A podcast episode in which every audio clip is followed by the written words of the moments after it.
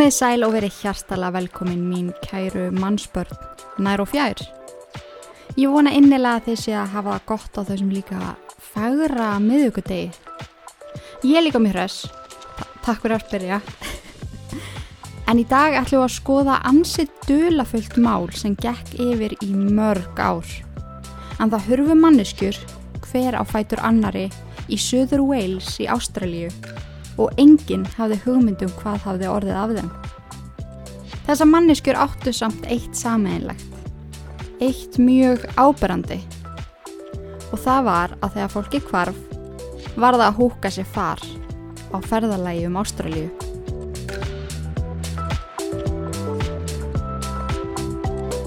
En áður við hefjumst handa langar mig að benda áskrifendum á að oktoberpakkin, oktober áskrifstapakkin, er lendur inn á ítlverk.is. Fimm mismunandi mál, hver öðru óhugnalegra. En þar segi ég til dæmis frá Acid Bath morðingjanum sem ég kýsa að kalla Sírujonna, barnabondanum Dagmar Overby, Yosemite Park slátraranum, Kansas City Butchernum og að lokum Efu Braun, heitkonu Adolf Hitler sem að ég saði ykkur einmitt frá í síðustu viku og þar síðustu viku.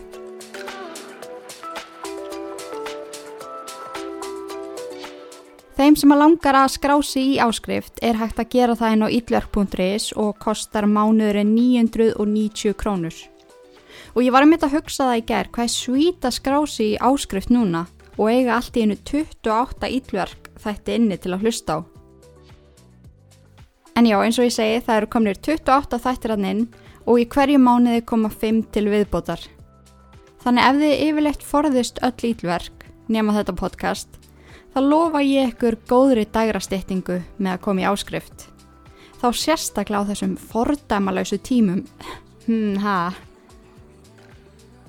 Ég ætla svo líka að stelast til að posta einum þætti úr áskriftapakkanum í dagað á morgun, einhverjum eldri þætti sem ég veit að áskrifundur eru löngu búin að hlusta á, svona til að kynna áskriftina fyrir okkur og hvernig þetta er að koma út þar.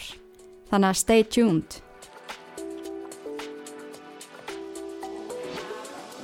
En ég held að við ættum bara að drífa okkur af stað í þátt dagsins. Þáttur sem er ekki fyrir viðkvæma og muna öllum líkindum kom í veg fyrir að ykkur stykkar húk ykkur far nokkuð tíman aftur á æfinni. Ég heiti Inga Kristjáns og þau eru að hlusta á Íllverk. Lindardómur bakpókaferðalangana. Fyrsti hluti.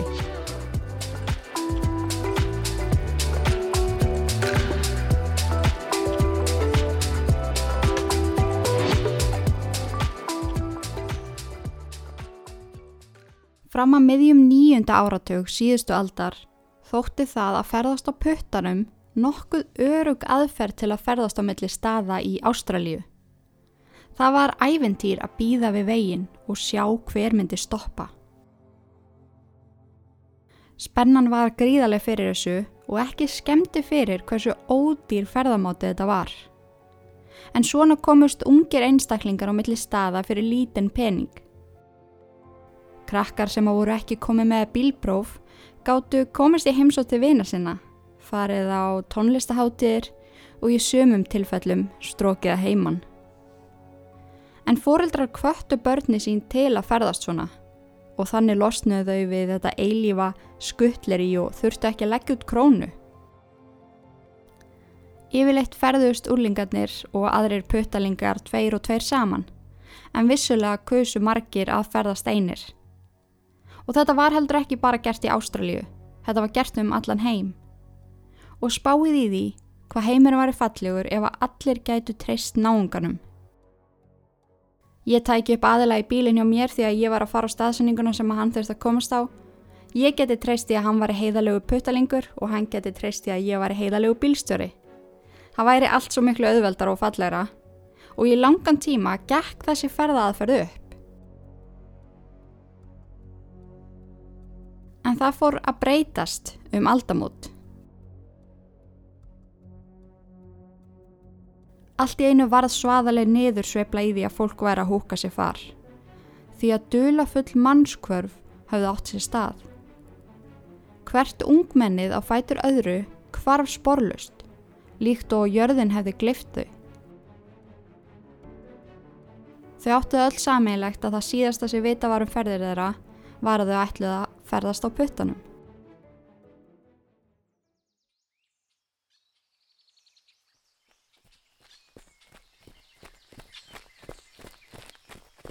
Þann 19. september 1992 voru þau Ruth og Joe út að skokka í gegnum Belanglo State skógin.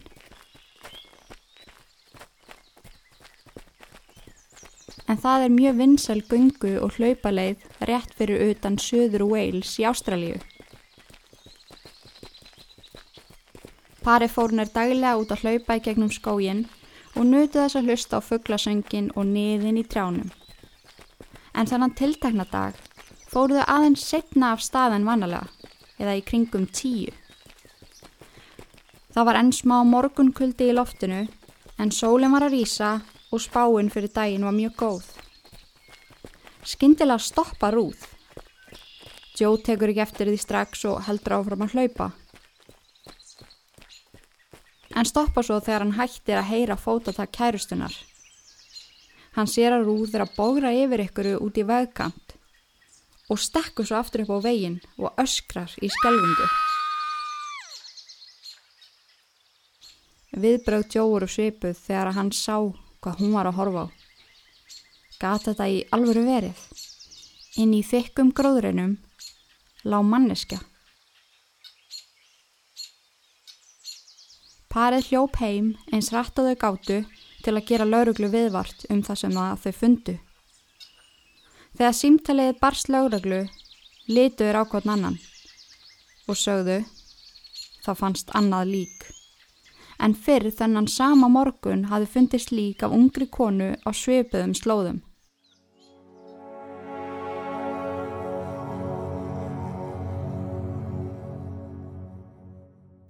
Líkin voru sett í rannsók og komust krupningatæknar fljótt af því hvað hefði ráðið manneskjunum bana. Anna líkið sem var að konu hafi verið stungið yfir 14 sinnum. Fjóru sinnum í brjóstkassan, einu sinn í hálsin og nýju sinnum í bakið. Það var fljótlega komist að því hvaða kona þetta var, en það hafi verið líst eftir henni. Þetta var hinn 22-ara Joanne Walters. Hún var fættaðan 27. janúar 1970 í Breitlandi og hafði ákveðið að ferðast um Ástrali á puttanum. Setna líkið, sem var einni á konu, hafi verið skotið tíu sinnum í höfuðuð, en það var einn 21 áskamla Caroline Clark, fætt hann 10. ágúst 1970, einnig frá Breitlandi. Eftir að ættingum stúlkunar hafi verið gert viðvart kom í ljós að stúlkunar hefðu verið vinkunur. Þar hefðu flóið saman til Ástralíu og ætlaði að ferðast þar saman. Þegar þar hörfu voru þar nýlegðar af stað aftur frá Sydney en þær hafðu verið þar í smá tíma.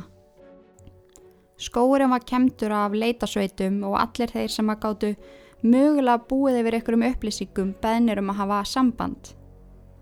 Það bárust myndbönd úr eftirlitsmyndavelum í Sydney þar sem stúlkunna sáist á lífi og fólk kringdi inn og sagðist að það var séðar en engin vissi hvernig þar fóru út úr Sydney. Þar kólnaði slóðin. Í skóginum fannst heldur ekkert. Þegar leitarhundar þefiðu upp slóðina stoppaði hún þar sem lík stúlknana hafði fundist. Sem gaða til kynna að þeim hefði mögulega verið komið fyrir aðna eða þær hefði verið í bifræði sem að kerði þær þangað síðan meistar og skildar eftir aðna sem að er mjög líklegt. Tímin leið, vikunar og mánuðurni leiðu og ekkert fannst. Öll sönnunagögnin sem fundust á líkumum stúlknana var komið fyrir í gagnageimslu en fyrir utan það var allt stopp. Þegar heilt ár var liðið hafði atvikið glemst. Auðvitað átti kvarf og morðstúlnana ekki eftir að hverfa alveg en fólk var ekki lengur með þetta á heilanum. Puttalingarnir voru afturkomnir á stjá og lífið var farið að ganga sinn vana gang þanga til senti í oktober 1993, aðeins meira en ári frá morðunum á Caroline og Joanne.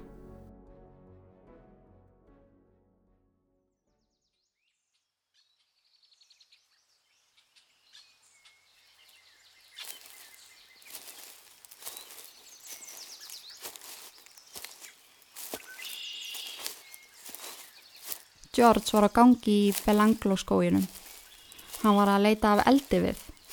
En þetta gerði hann reglulega og nýtti tíman í að hrinsa hugan og njóta þess að vera einn í róliheitunum.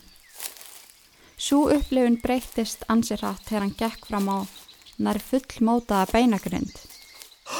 George hendi frá sér eldiviðnum sem hann hefði sapnað saman og gerði lauruglu viðvart. Hann fór og síndið um beinagrindina og fljótlega eftir leita á svæðinu fannst önnu beinagrind sem var nær heil í fósturstellingu.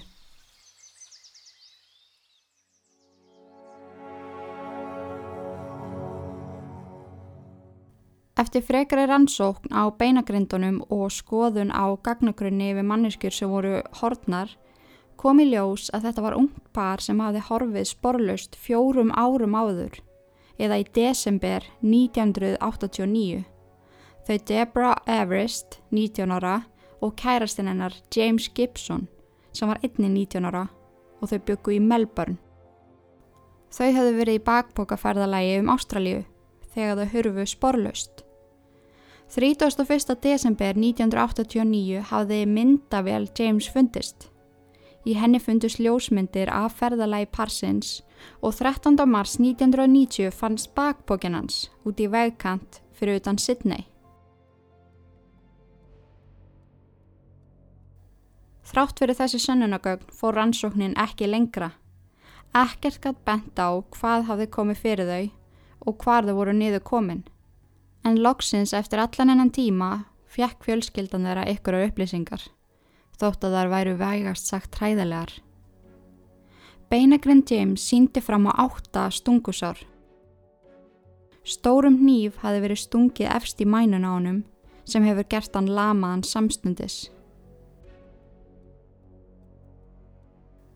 Beinagrind Deborah síndi fram á alvarlega áverka eftir barsmiðar en höfukúpa hennar var brotin á tveim stöðum á samt kjálkabeini hennar. Það var einni stungusár í ennisbeini höfukúpunar og hún hafi einnig verið stungin efst í mænuna. Miða við þau gögg sem að lauruglan hafði í höndunum var talið ansi líklegt að sami einstaklingurinn væri að verki. Stungusárin voru sveipuð og öll fornalömpin hafði hloti stungusár efst í mænuna en líklegast hefur morðingin gert það til að lama fórnalömpin svo að það sé auðveldar að eiga við þau og svo þau get ekki hlaupið í burtu. En hver var þarna á ferðinni?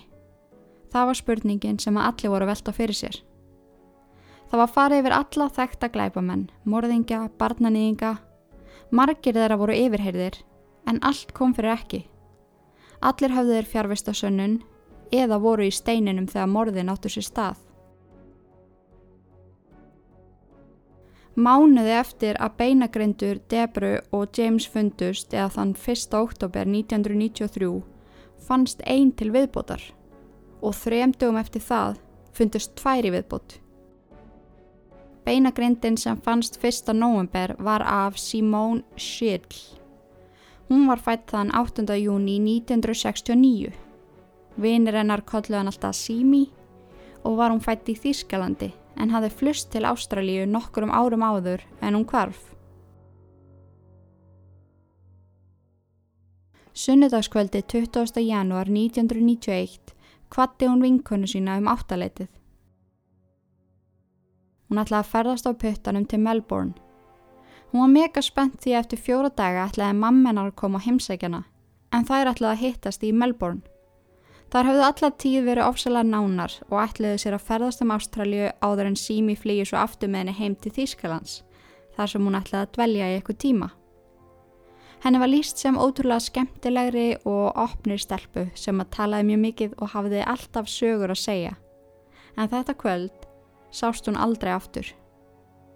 Á beinagrein tennar mátti sjá átt á stungusár, tvöðira efst í mænunni og restinn í brjóstkassan sem hafði öllum líkendum stoppa hjarta hennar og fælt saman lungu hennar.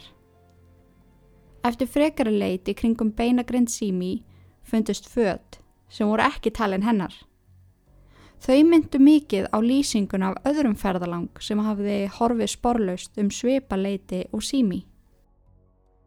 En það var Anja Hapsjett, 20 ára, og þegar staðfesting lág fyrir var hægt að gera ráð fyrir því hver átti hína beinagrindina. Kærastinn hennar Geibor Núgbauer, 21 ás, sem hafði horfið með henni.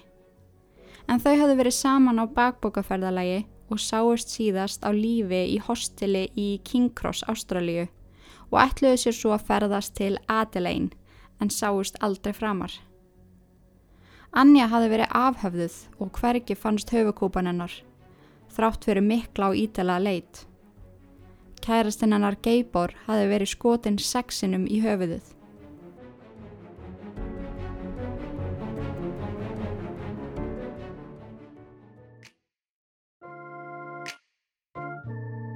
Áður við heldum áfram og reynum að komast til botts í þessu máli, skulum við heyra nokkur orð frá styrstaraðala þáttarins.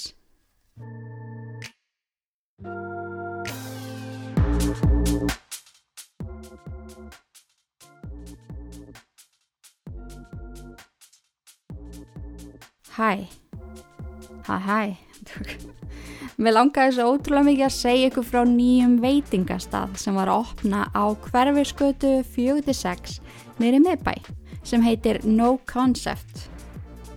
Þar sem staðurinn opnaði nánast sama dag og þriðja bylgja COVID skall á, sem er mjög perrandi, en þá dói eigendunir ekki ráðalöysir. Heldur kerður af stað með ótrúlega flotta take-away þjónustu.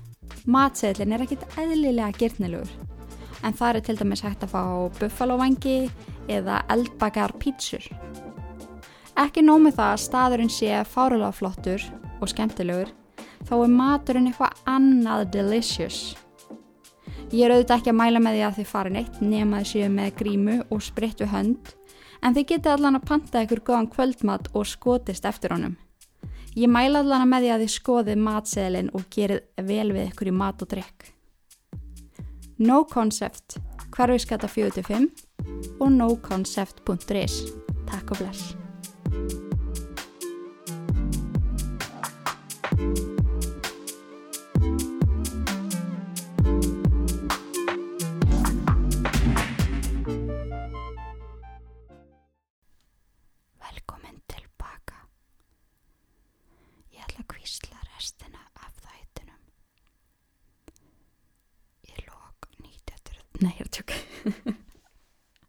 Það er svona pottit ykkurum sem fannst þetta satisfying að heyra með kvísla. Ég, ég er ekki að grínast, ég hef hlust á heilt vídeo af, fyrir þá sem við þetta, Jeffree Star, þá kvíslaði hann einu svona heilt make-up tutorial vídeo og mér fannst það ótrúlega næs. Ég get svona, ég tek vel við svona ASMR dóti, en ég er ekki af mikið fyrir uh, sexy konur á bíti eppli, það er ekki, það kveikir ekki í mér. En ég er að segja ykkur það, ef þið myndir fara all in í hennar business, þá getið þið orðið millionaires í þessu ASMR. Það er fullt af fólki sem eru til í að heyra ykkur kvísla. Ég er að segja það. En hvert var ég komin? Ég man það ekki. Du, du, du, du, du, du, du. Þetta er alveg magnað að ég skulle ekki merkja við þetta. Ég lendi alltaf í þessu þegar ég er búin í auðlýsingum. Ok, ég ætla bara að setja laga með henni finn. Tjók. Já, hérna. Afsakið þetta. Ég ætla ekki að klippa þetta út. Ég ætla að sína ykkur hvað ég er ótrúlega mikill hrútur í stjórnumerki. Þetta passar, þetta passar vel við mig að vera svona utan mig. En í lok 1993 var sett af stað gríðarstór rannsókn í tengslum við Belanglo raðmorðin. En það var hóa saman 20 rannsóknalauruglum sem hefðu allir yfir 15 ára reynslu í starfinu. Þeir tóku með sér í rannsóknina sína undimenn og staðfestan í að finna út hver var að verki hafði aldrei verið meiri. En það var tilkynnt að 500.000 dólarar var í bóði fyrir þann sem geti varpað ljósi á málið. Og vá, ég var að skoða hvað 500.000 dólarar er mikið. En ég hef aldrei heyrst um jafn há fundarvelun en það voru 70 miljónir í bóði fyrir þann sem gæti aðstóða. Ég vona að ég sé að segja rétt já, já þetta er 500.000 dólarar, 70 miljónir, það er, er frekar næs. En lauruglan hefur því verið ansið vongóð að eitthvað myndi stíga fram með þessu upplýsingar og fyrst þeir eru tilbúinir að setja fram svona ótrúlega háa upphæð. En það var líka í kjölfarið gert mikla breytingar þegar komað almennum varuðaráðstöðunum. Bakbókaferðalög voru stránglega bönnuð, til þess að og til þess að fólk geti haldið áfram að ferðast voru lækkuð göld á rútuferðum og ódýrir bílar voru auglistir í gríð og erg og 100% lána okkur þannig. Þannig að fólk sem áttu minna á milli handana það var bara nennur prís að kaupa þannig bíl ég skal lækka um 80% þannig að þú sért allavega bara seifin í bílnum sem er mjög flott. En það vildi náttúrulega enginn sjá fleira ungt fólk hverfa. Eftir að málið komst almennilega í fjölmiðla bárust alveg gríðala miklar upplýsingar inn á borðu lauruglu. Margir söðustur að vissur um hver þetta væri. Aðrir söðust geta að gefa upplýsingar um ferðir fórnalampana. Sumir gerðu símat og söðust vera morðingin sjálfur. Það var allur gangur á símtölunum sem að bárust. Það var því úr nóa móða og vonin var svo að eitthvað af þessu myndi leiða í rétta átt en það sem að þeir höfðu var að svipu tækni var nótuð á fórnalömpin. Þeim hafði öllum verið komið fyrir á svipuðum stað í skóginum. Nánari rannsókn og líkunum síndi fram á að morðingin hafði misnöta stúlkunnar sem hann myrsti. Hann stakk fórnalömpin efst í mænuna og það var einni talið ansið líklegt að morðingin hafi eitt tíma með fórnalömpunum í dákváðan tíma áður en hann reðið en bana og þetta er sagt út af því að flestir af þessum krökkum voru að koma frá Sydney eða Melbourne og það er alveg frekar langt í burtu þannig að ef hann hefur tekið upp í bílinn þar þá hlýtur hann að hafa hagað sér ansið vel alla leiðina þanga til hann koma þessum skói og þá hafa hann látið til skara skrýða sem eru kannski þrýr klökutímar. Það kom svo í ljós eftir enþá meiri, meiri og dýbri leiti skóginum að fórnalömp sem hefði verið skotin voru skotin með sömu tegunda bissu en það fundust þess byssukúlur nála e, líkánum og beinagrindunum og þannig var hægt að finna út hvers konar byssa var nótuð sem er alltaf mjög gott í þá er þetta narra og niður og það er alltaf skráð öll byssukaup þannig, þannig er komin eitthvað svona smá listi. Stuttu eftir að það var gefið út af lauruglu að það væri ansi líklegt að um raðmorðingja var að ræða, ringdi inn ungu maður. Hann kynnti sig sem Paul Onions Ég nota stundu Google Translate þegar ég er að researcha málið og ég setti inn texta það sem að Paul Onions. Og það kom alltaf já, hann, hann kynnti sig sem Paul Laugur. Ég fasti þetta svo fyndið. Það þarf ekki meira. Paul Onions. Palli Laugur. Já, eða myndi stundu sjá mig þetta þegar ég er að taka upp hvað það þarf lítið til að gleyða mig. En Google Translate er mikill gleði gafið, það er alveg þannig En já, hann kynni sér sér sem Paul Onions en hann var búsandur í Breitlandi en hafði einmitt verið á bakpokaferðalagi í janúar 1993 eða þrem árum áður. Hann hafði keft sér ódýrt hjól við komu og í stað þess að húka sér far hjólaði hann á milli staða og gisti í tjaldi á nóttunni. En hann hafði lendi heldur betur undarlegu atviki þann 25. janúar 1990. En þá var hann að hjóla til Mildúra í Ástralíu og allt í hennu skrúvar maður niður rúðuna á bílnum sínum við hliðina á honum. Hann var á fullri ferð og byður hann um að stoppa. Pól gerir það og maðurinn spyr hann hvort hann eigi að skuttlanum. Það sé svo ótrúlega heitt úti sem var alveg rétt. Hérna, Pól var alveg að kapna og þá var ótrúlega erfitt að hjóla með allan búnaðin uh, í þessum hita. Pól þekur bóðu og þeir koma hjólinu fyrir í skotti bilsins. En bilstjórun kynni sér svo sem Bill og verðist vera alveg ofsalega almennlegu maður og vennilegur. Eftir að hafa kert alveg í dágóðan tíma og það var rúmur kílometr í Belango skógin, þá stoppar Bill bílinn, tekur revolver undan sætunni sínu og öskrar á Pól að það veri rán. Pól var þetta mjög fljótur að hugsa, opnaði bílhörðina og letið detta út og spretti eins rætt og hann mögulega gati burtu frá bílnum. Bill hafi þá komið út í bílnum og skotið í áttina til hans, en ekki hitt á hann. Þegar Pól hafi hlaupið í smástund eins rætt og hann mögulega gat, kom kona í áttina á hann á mótjóli. Hann hafi veifað til hennar svo myndi stoppa. Þegar hún kemur svo að honum og stoppar, segir hann henni frá því hvað hafi komið fyrir og hvort hún geti hjálpa honum. Þau keira svo saman á ógnar hraða fram hjá bílnum hans Bill og bæði konan og Paul límtu henni í huga sinn hvernig bílinn leit út og hvernig maðurinn leit út. Þegar þau komið sér inn í bæin þá fóru þau á Bófral lauruglustöðuna og sögðu frá bifriðinni, Bill og öllu sem að hafði komið fyrir. En málið var svo að engu. Pól fór svo bara aftur heim og var aldrei spurður neitt meira út í þetta og reyndi í rauninu bara að kleima þessu. En þegar hann sá fréttinnar af ungmennunum, sérstaklega hvar þau hafðu fundist, fann hann sterklega á sér að Bill gæti verið maðurinn sem að væri verið að leita af. Eftir símtalið við Paul Onion leitaði lauruglan af skýslunni sem hafi verið gerð uh, með honum þegar hann tilkynnti þetta. En þarna komið þetta allt fram, lýsing á manninum, tegunda bílnum og allt sem hafi komið fyrir Paul. En það virtist einhvern veginn ekkert meira hafi verið gert í þessu. Síðan þetta kom fyrir hafði skýslan bara leið í gagnagrunni lauruglu. Sama dag var byrst mynd af bílnum og skissu á manninum sem var grunaður. Fólk var beðið um að hafa samband ef það hefði ykkur á veitnesku um þannan bil eða vissi af ykkurum sem ætti svona bíl. Dæin eftir var hringt inn og sagt að maður sem að líktist skissunni ískikilega mikið hefði selt sér bílinn sem var nákvæmlega eins og þessi bíl sem að var að vera að lýsa eftir. Það var ansi grunnsalegt að maður sem að líktist skissunni væri að selja bílinn á mjög sveipuðum tíma og rannsóknin á skóarmorðingjanum færi fram.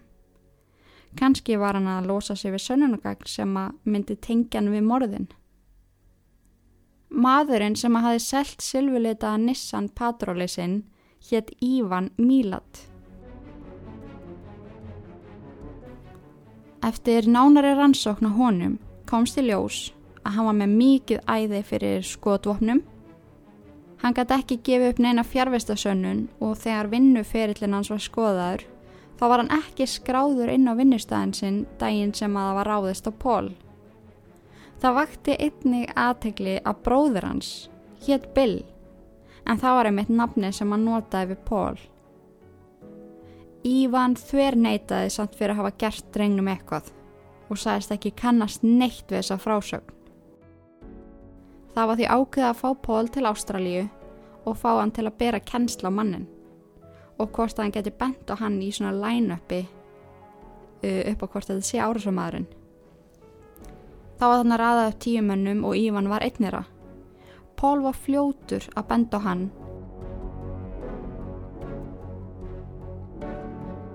og var hann handtekinn 22. mæ 1994 og ákjærður fyrir árásuna á Paul Onions.